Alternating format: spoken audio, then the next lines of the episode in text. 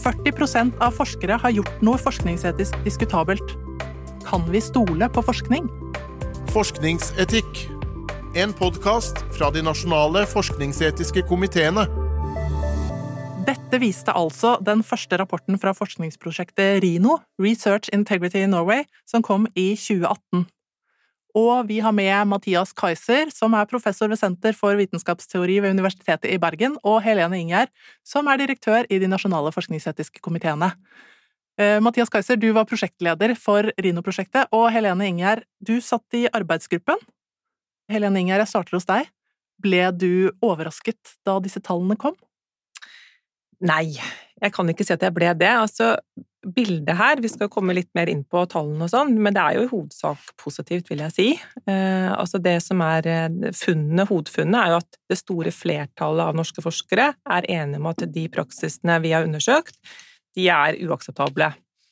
Eh, og vi finner jo også ganske lav forekomst av disse praksisene. Sånn at eh, det store bildet er ganske positivt. Men så er det jo selvfølgelig noen funn som er mer urovekkende, og det handler jo da dels om dette med de diskutable praksisene. Eh, at såpass mange da som 40% har deltatt i de siste tre årene. Eh, og så var det noen andre funn knyttet til det med opplæring i forskningsetikk, og det med manglende kunnskap om hvor man skal varsle hvis man får kjennskap til, til, til uredelighet, mistanke om uredelighet. Eh, der var det noen mangler som var mer urovekkende, og som vi må ta på alvor. Ja, og nå er du inne på noen begreper her som vi må rydde litt opp i. fordi at eh, når du sier at du ikke er bekymret, når 40% sier at de har vært med på noe diskutabelt, så er det dette med diskutabelt. Det betyr altså ikke det samme som forskningsjuks? Nei, diskutabel, diskutable praksiser, det er sånn diskutabelt eh, begrep i seg selv, da.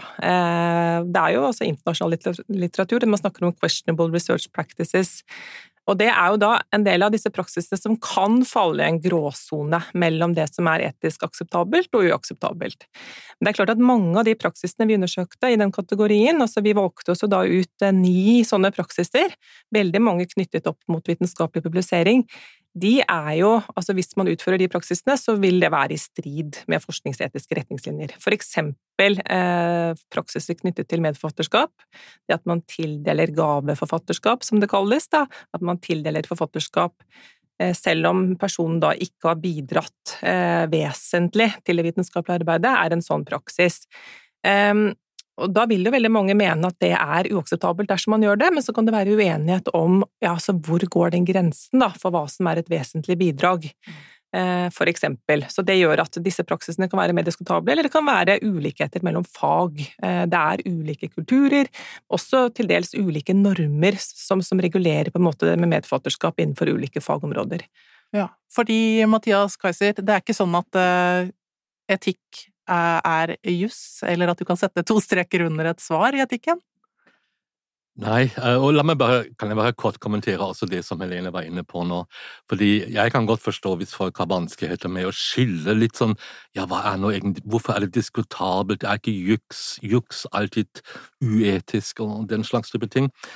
Eh, jeg pleier, i mitt hode tenker jeg litt sånn at det er to forskjellige typer løgn vi snakker om det som man kaller altså for forskningsjuks, eller scientific misconduct på engelsk, det er den type løgn som ligger i det resultatet, de endelige fremstillingene av det man har forsket på.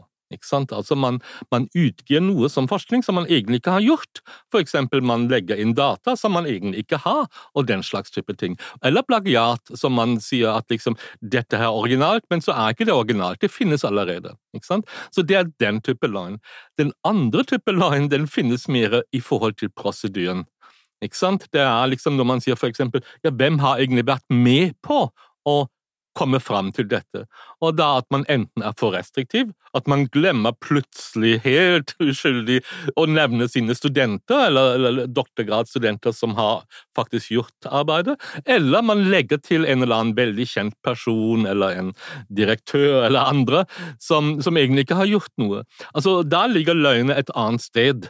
Ikke sant? Men det er en eller annen form for uredelighet i begge de formene, bare at vi slår mer hardt på det som er den første typen? Det, det er helt klart altså den rene forskningsjuks. Så det er det. Ja, for det vi snakker om rent forskningsjuks, da er det gjerne det som kalles for fabrikkering, forfalskning og plagiering. FFP, som Ja, er forkortelsen. Det er helt riktig. Og eh, når vi sier at 40% av forskerne sa i denne undersøkelsen at eh, de hadde vært med på noe diskutabelt, så var det ganske få, bare 66 totalt, som sa at de hadde vært med på FFP. Og det er jo selvfølgelig alltid et relativt tall. Er det noe få, eller er det for mange? Denne undersøkelsen den hadde altså nesten 7300 svar. Og, og det, er, det gjør faktisk at den er en av de største undersøkelsene vi har altså globalt på, på det hele. Um, og ambisjonen var jo at vi kunne dekke så å si hele det norske forskningsmiljøet. Det var ikke bare universitetene, det var altså forskningsinstitutter og høyskoler og, og sånt, og det var ph.d.-stipendiater og seniorprofessorer og alt dette her. sånn. Så det var ambisjonen.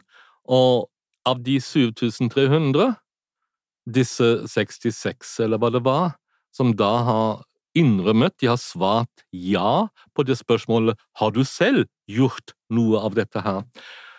Det er jo likevel bekymringsverdig, kan man si. Det er ille nok, men det er litt bedre enn mange andre internasjonale resultater har pekt på tidligere.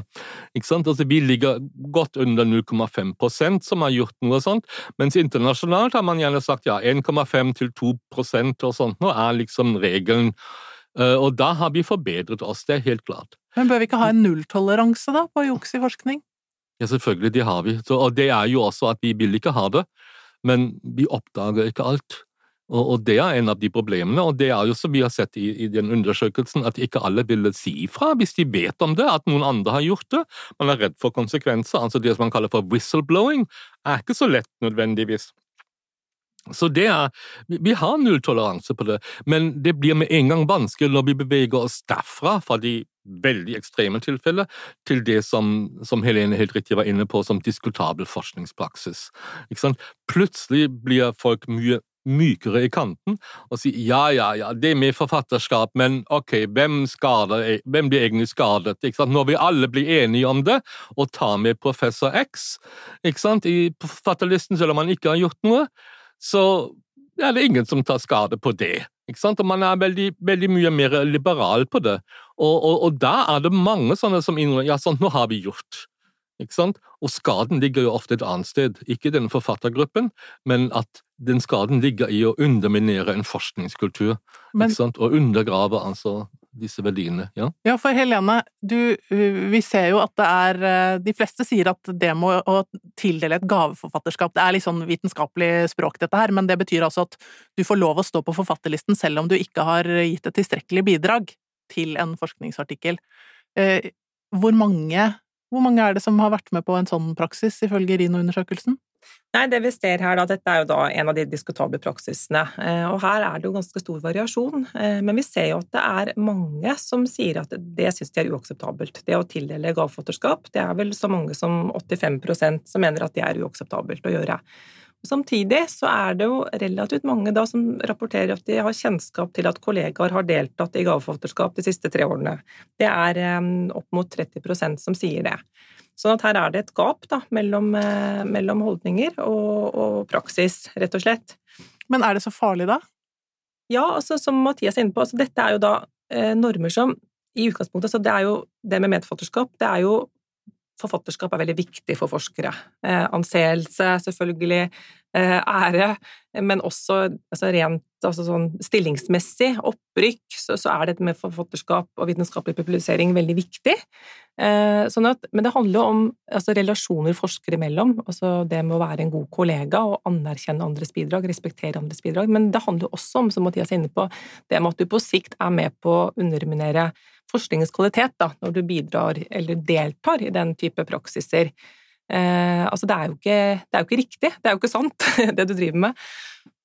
Kan jeg bare legge til, og det er litt sånn mer for la oss si en bredere offentlighet, det er ikke alle som har en, en veldig detaljert forestilling hvordan forskning foregår i praksis. Når, når vi hører forfatterskap, så, så, tenker vi oss altså en, en, forfatter som skriver et manuskript, en bok eller noe sånt, nå, og sitter der ved et skrivebord, og så, og så publiserer man det etterpå.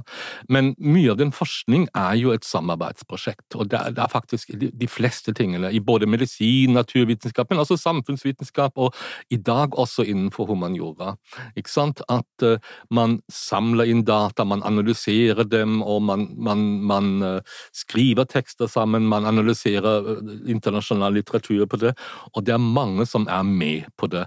Og dessuten er det ofte avhengig av finansieringskilder. Man må ha en finansiering til de prosjektene og sånt, og noen skaffer de penger, noen forvalter de pengene. Så det er et stort apparat som, som inngår i det. Men da er det spørsmål hvem er det som skal være medforfatter, som tar ansvar for det endelige resultatet. Og det har man regulert. Blant annet har jo da de forskningsetiske komiteene, eh, altså Nesh og Nent, de har klare kriterier på hva som regnes som forfatterskap. Ja, og dette eh, følger internasjonale retningslinjer. Og det følger internasjonale Vancouver-reglene og andre, ikke sant. Så, så det, er litt, det, er litt, viktig. Hvis jeg bare kan legge til, og jeg nå eh, Bare en sånn personlig erfaring, fordi jeg, jeg hører også til de som måtte innrømme jo, jeg har vært med på noe sånt en gang, mot min vilje, men jeg var med på et internasjonalt prosjekt hvor vi hadde altså en, en, en, en annen, en hovedforfatter fra et annet internasjonalt universitet. Og denne hovedforfatteren var en yngre dame som, som ikke var noen professor, eller noe sånt, hun hadde ikke noen fast stilling. Og hun ble satt under press fra instituttsleder. Instituttsleder visste jeg hadde ikke gjort noe annet enn å satt underskriften på, det, på finansiering på det. Men han krevde altså at han skulle være medforfatter i den artikkelen som kom ut. Og selvfølgelig har vi sendt retningslinjer, vi har argumentert og, og sånt noe, men det hjalp ikke. Og til slutt så var hun satt i en situasjon hvor vi bare måtte si ok, vi kan ikke påvirke det annerledes enn å gå med på det. Ikke sant? Så han, han ble medforfatter til slutt. Men det viser jo bare at her er det makt også som kommer inn, og, og hva slags makt ønsker vi å gi instituttleder eller andre til å bestemme sånne ting. Så det er mange etiske dilemmaer, og det er ikke alltid et lett svar å gi på det. Men ja, du jobber jo selv ved en forskningsinstitusjon i dag, ja. Eh, Mathias. Hvordan, hvordan jobber du? Hva, hva, slags råd kan du gi til institusjonen din om hvordan de kan sikre at uh, andre ikke opplever det samme, eller ikke føler seg presset til å tildele forfatterskap til noen som ikke skulle hatt det? Altså Mitt personlige råd er jo alltid at når, når, det gjelder etikk, er det viktigste at vi snakker om det. Altså det er dialogen, og at vi snakker ut om det. At vi, når vi opplever et press, når vi opplever et dilemma, hva skal jeg gjøre? At vi går ut og ikke er alene om det. Og at vi gjerne snakker med en, både de som kan tenkes å være i samme situasjon, men også de som er i en helt annen situasjon og kan ta et blikk utenfra inn.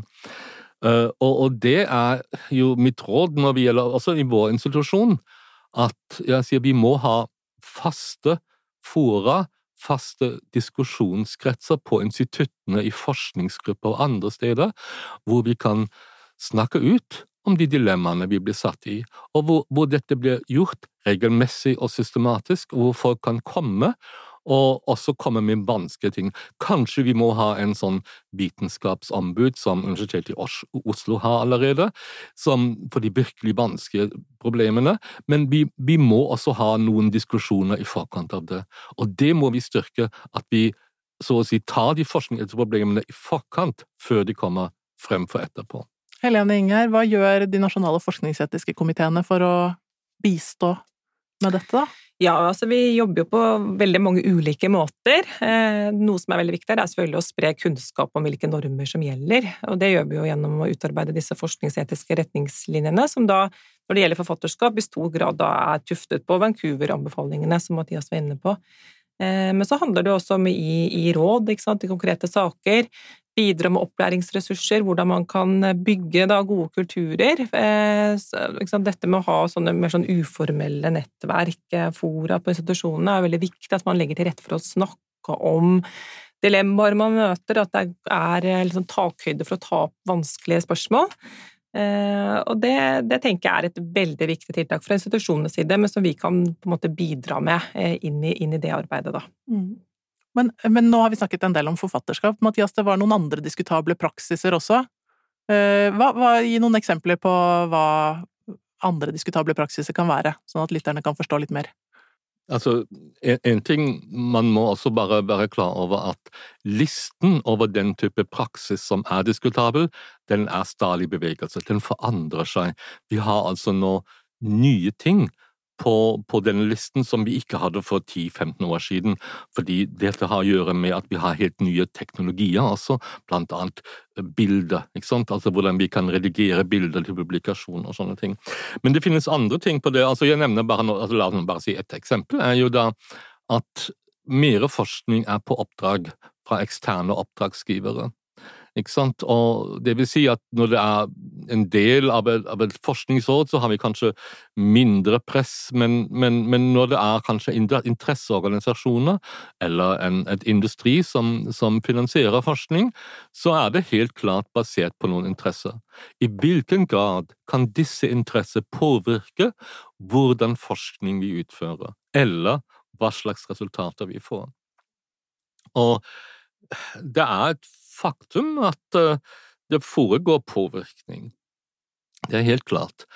Uh, det foregår også en slags ubevisst påvirkning av de som mottar veldig mye penger fra særlig liksom én oppdragsgiver hele tiden, kommer til å så å si tenke i de samme banene som oppdragsgiver etter hvert. Eh, det er en sånn psykologisk mekanisme som man bare må være klar over, som man også har påvist skjer. Men enda verre er det jo at en, på, at en oppdragsgiver kan komme med direkte ønsker om å ha bestemte typer resultater eller bestemt type opplegg i forskning. Og, og, da må vi ha en klar grenseoppgang, og den er ikke alltid så klar, mellom forskning og, og oppdraget. Ikke sant? Og, og, og, da er det sånn hvor mye kan oppdragsgiver blande seg opp i eksempel design av et forskningsopplegg? Kan de bestemme hvor man samler inn data, og hvor man ikke samler inn data, eksempel? Nei, det skal de ikke. Altså, Det er den type ting, og, og, og det har vi også belegg på at det skjer. Og det er sånne ting som også er diskutabelt, men også fordi det er veldig mye bevegelse i dette, det forandrer seg over tid. Men tilbake til hovedtemaet, da. Når vi ser på dette, kan vi stole på forskning? Helene Ingjerd? Altså, i, i, hovedsak, altså det, basert på det vi ser fra Rino-rapporten, så mener jeg jo igjen da at bildet er, er ganske positivt. Eh, at eh, det foregår lite uredelig forskning i Norge.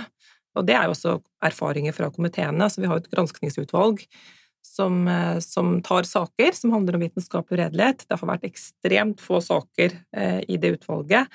Eh, så altså, vår opplevelse er at det er ganske lite vitenskapelig uredelighet. Eh, men så er det jo selvfølgelig alle disse andre diskutable praksisene som, som, som, er, eh, som gir grunnlag for bekymring, da. Sier Rino om noe om, som kan forklare den forskjellen på holdninger og handlinger som dere var inne på? Ja, altså for det var jo et av de store spørsmålene vi satt igjen med da, etter denne surveyen. Liksom, dette gapet, egentlig, mellom, eh, mellom, holdninger eh, og praksis til en del av disse diskutable praksisene. Så vi hadde jo da også kvalitative intervjuer eh, som ble gjennomført, eh, og vi fant jo liksom, Vi ønsket å finne ut også, hva er det som ligger bak disse diskutable praksisene. Eh, hvorfor gjør man det, hvordan begrunnes de, hvordan rettferdiggjøres de? Eh, og vi fant liksom ulike mm, forklaringsmodeller. Altså det ene handler jo om at en del av disse normene kan oppleves litt sånn uklare. Hva er det egentlig som er riktig og galt her? Altså etiske gråsoner som det kan være vanskelig å manøvrere seg i, hvor det da kanskje er behov for mer og bedre opplæring. At man diskuterer og snakker seg fram til hva som er riktig. Eh, men så har vi dette med makt eh, maktmisbruk, som Mathias var inne på. Veldig mye av disse praksisene handler om de relasjonene mellom forskere. Eh, og her er det altså veldig mulig for f.eks. veileder å utøve maktmisbruk eh, overfor stipendiater når det gjelder det med forfatterskap. Insistere på å være med på en, eh, på en, publikasjon, selv om man da ikke har gjort så veldig mye annet enn å være veileder. Og det er vanskelig, et vanskelig press for, for unge stipendiater å stå imot. Men så kan det også være en sånn positiv pleiing av relasjoner. Det at man gir altså gaveforfatterskap. At du også forventer du kanskje å få noe igjen, da. At du på en måte sånn sett også er med på å opprettholde en sånn dårlig kultur. Um, og så handler det også om på et litt sånn annet nivå, så dette med publikasjonspress, ikke sant, at det er insentivordninger her. Og det var jo det ordet som gikk igjen aller mest da det ble diskutert, dette med medforfatterskap spesielt, både i intervjuene, men også i, i sånn kommentarfelt som vi hadde i Servin. Dette med at eh, norske forskere opplever et publikasjonspress. Det er konkurranse. Eh, og noe av det vi i komiteene har anbefalt ved flere anledninger, er jo at eh, at Kunnskapsdepartementet har en litt sånn helhetlig gjennomgang av insentivsystemene for, for forskning. Å se på hva er de forskningsetiske implikasjonene her. Eh, det trenger vi. Forskning har forandret seg. Det er ikke bare de enkelte praksisformene, men hele forskningssystemet har forandret seg veldig gradvis etter annen verdenskrig. Vi har fått en industrialisert forskning i mye større grad, og vi har fått uh, Ja, vi har egentlig tapt de der forskeridealene som vi hadde. Altså når vi tenker på la oss si Einstein og sånt. ikke sant? Einstein i 1905 satt ved et kjøkkenbord og revolusjonerte hele fysikken, uh, så å si alene det, det, er ikke forskningen i dag. Etter annen verdenskrig så har vi gått inn i en helt annen type kunnskapsproduksjon, og, og den, har, den, har, gjort det vanskeligere og vanskeligere å opprettholde eksempel de, den type ting som du spør etter, altså det der veileder som et godt eksempel. Nå er vi inne i utdanningsformer som minner mye mer på utdanningsfabrikker enn vi noen ganger har hatt hvor de forholdene blir veldig mye mer upersonlige, preget av eh, forskningsmidler, søkeprosjekter og den type ting, i større grupper. Så vi, vi har en annen forskningsvirksomhet. Det hadde vært fint, og det selvfølgelig skal vi som veileder fortsatt være et eksempel på det, men det er ikke nok det er ikke nok. Altså, vi, må et, vi, må ha et, bedre tak på hele den forskningskulturen som har blitt forandret. Og, og, Helene var inne på dette med publikasjonspress, som jo er en av de store tingene for alle unge forskere, selvfølgelig, hvis man skal få en stilling en eller annen gang. Så må man publisere mye i de beste tidsskriftene, ikke sant? og det blir målt med impact factor og Hirsch factor og hva det, hva det måtte være. Så, så, så du, får, du, får, rett og slett personlige poeng for de som ikke kjenner dette systemet, så er det Ja, det, det er altså det er det man kaller på norsk også tellekant-system, da. Ikke sant? Så du, du, du du samler personlige poeng ved den type output, og jo raskere du har det, jo bedre er det, og jo mer internasjonalt det er i internasjonale tidsskrifter, jo bedre er det også. Og så skal det egentlig ikke brukes på individnivå, men det viser Rino-undersøkelsene klart at det gjør. Selvfølgelig, det skal egentlig ikke brukes på individnivå, men, men det, det, gjør man jo, ikke sant? Og som instituttsleder er man opptatt av å øke altså det antallet publikasjoner fra instituttet, fordi det har budsjettmessige konsekvenser og den type ting. Så hele den utdanningssystem og forskningssystem er under forandring, og det har blitt mer og mer en industri, og det som har blitt kvalitets... Altså det som har blitt skadelidende, det er sånn som i andre øh, områder i samfunnslivet, nemlig det er kvaliteten. Ikke sant? Det som, som man tidligere hadde med, med, med håndverkere som, som, kunne altså sitt håndverk, og som har nå blitt industrialisert, det, der forsvinner altså veldig mye av den kunnskapen som ligger inni det. Og det har vi i forskning òg. Hva kan, for, hva kan, vi gjøre for, å bevege oss tilbake mot de idealene som du mener vi har mistet, da? Nei, jeg tror ikke vi kan bevege oss helt tilbake. Vi, vi må finne nye veier å, å gå. Uh, vi, må, vi, må, rette på det systemet vi har nå. Vi, vi, kan ikke blindt gå inn i den fremtiden som ligger der, fordi der belønner vi den, altså den feil, feil type atferd. Det er helt opplagt. Hvordan vi kan komme tilbake til et system hvor kvalitet er i høysetet, det er veldig vanskelig å si, men, men, men, det må være målet for vår diskusjon. Det er at ja, For min del har det alltid vært et enkelt svar, fordi jeg liker også uh, matlaging, for eksempel, og da er mitt svar alltid at bedre mat betyr slow food. Ikke sant? Ta deg god tid med tilberedning av det. Og det samme sier jeg for vitenskap. Bedre forskning betyr slow science. Ikke sant? Ta deg god tid, ha bedre kvalitetssikring fremfor å kaste det inn til publikasjon med en gang. Så vi må ha slow science, bedre kvalitetssikring, bredere kvalitetssikring, involvere flere i det som kommer ut av det, for å sikre kvalitet. Og Da tror jeg vi får også et bedre ansvar i systemet, og det er det vi trenger. Hvordan kan folk flest forholde seg til forskning da, når vi hører hvor komplisert det er? Altså, jeg tenker at folk flest bør stole på forskning, men med en stund skepsis. Altså, man skal ikke tro på all forskning som en religiøs, eh, religiøs tro. Det, er bra med en sunn skepsis.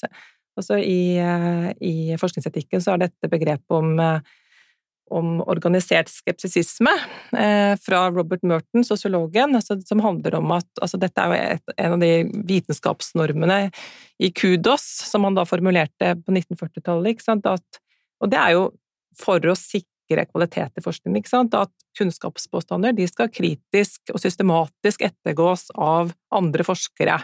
Det er jo en del av dette systemet for å, for å sikre kvalitet eh, også, da, ikke sant. Eh, og jeg tenker at for folk flest er det også viktig å ha en viss sånn kritisk holdning når du blir presentert for forskningsfunn. Eh, men så kan det jo da bikke over ikke sant, og bli en sånn vitenskapsskepsis, og det er jo det vi har sett veldig mye av de siste årene. Eh, postfakta og så videre. Så det å på en måte finne den der gylne middelveien der, med å, å altså, tenke at eh, den, eh, du skal ha en sunn skepsis, men, men tenke at dette er det beste vi har også, det som kommer ut, det beste kunnskapsgrunnlaget vi har per i dag. Og, og forskning er ikke sånn at det er et fasitsvar som står, står der til evig tid. Altså dette, det kommer bedre kunnskap, men det er det beste vi har per i dag. Eh, og det tenker jeg er et godt utgangspunkt når man skal forholde seg til forskning. Ja, jeg vil bare legge til, altså, der, jeg er helt enig med Helene der, at uh, vi må finne en, en, en altså Som, som bruker som, som vanlig samfunnsborger, så må jeg på den ene siden opprettholde en viss sunn skepsis. Altså enhver en som har en, en, eller annen doktortittel foran navnet sitt, er ikke nødvendigvis informant om de beste og mest aktuelle og, den beste kunnskapen vi har. Det er nok riktig, ikke sant? Så det i seg selv garanterer ikke den endelige sannheten. På den annen side hvis vi ser på at veldig mange fakta, veldig mange forhold har en vitenskapelig konsensus bak seg, så er den vitenskapelige kunnskapen det beste vi har. Og vi ser jo, det, det er selvfølgelig klima og andre ting, men vi ser det jo også nå i disse pandemitidene, når det blir, virkelig blir vanskelig. Hvor får vi mulige svar? Hvor får vi antydninger til hvilken vei vi bør gå? Jo, det er fra forskning. Ikke sant? Så, så, så det er da, det vi må ha. Så vi må ha det som man på engelsk kaller scientific literacy. Det vil si, vi må være i stand til å lese de tekstene, de publikasjonene eller rapportene om forskning på en kritisk måte, ikke helt ukritisk. Det er lov å stille spørsmål, og det er også riktig å si at ikke alle de, de rapportene kommer med den endelige sannhet. Forskning er alltid i bevegelse, det er alltid usikkerheter rundt dette. ikke sant? Også verdier spiller inn av og til sånn, det er ikke rene fakta alltid. Så alt dette er liksom et komplekst bilde, men samtidig er det nok det beste vi har, og vi må, vi må vokte oss for det som, som Helene nevnte, altså den der eh, med alternative facts og, og, og, den type At vi bare stoler på våre magefølelser ikke sant? og er helt immune overfor all slags vitenskapelig eller, eller annen faktainput. Det må vi vokte oss for. Takk til Helene Ingjerd, direktør i de nasjonale forskningsetiske komiteene, og Mathias Kaiser, professor ved Universitetet i Bergen. Jeg heter Ingrid Torp, og du har hørt podkasten Forskningsetikk fra de nasjonale forskningsetiske komiteene.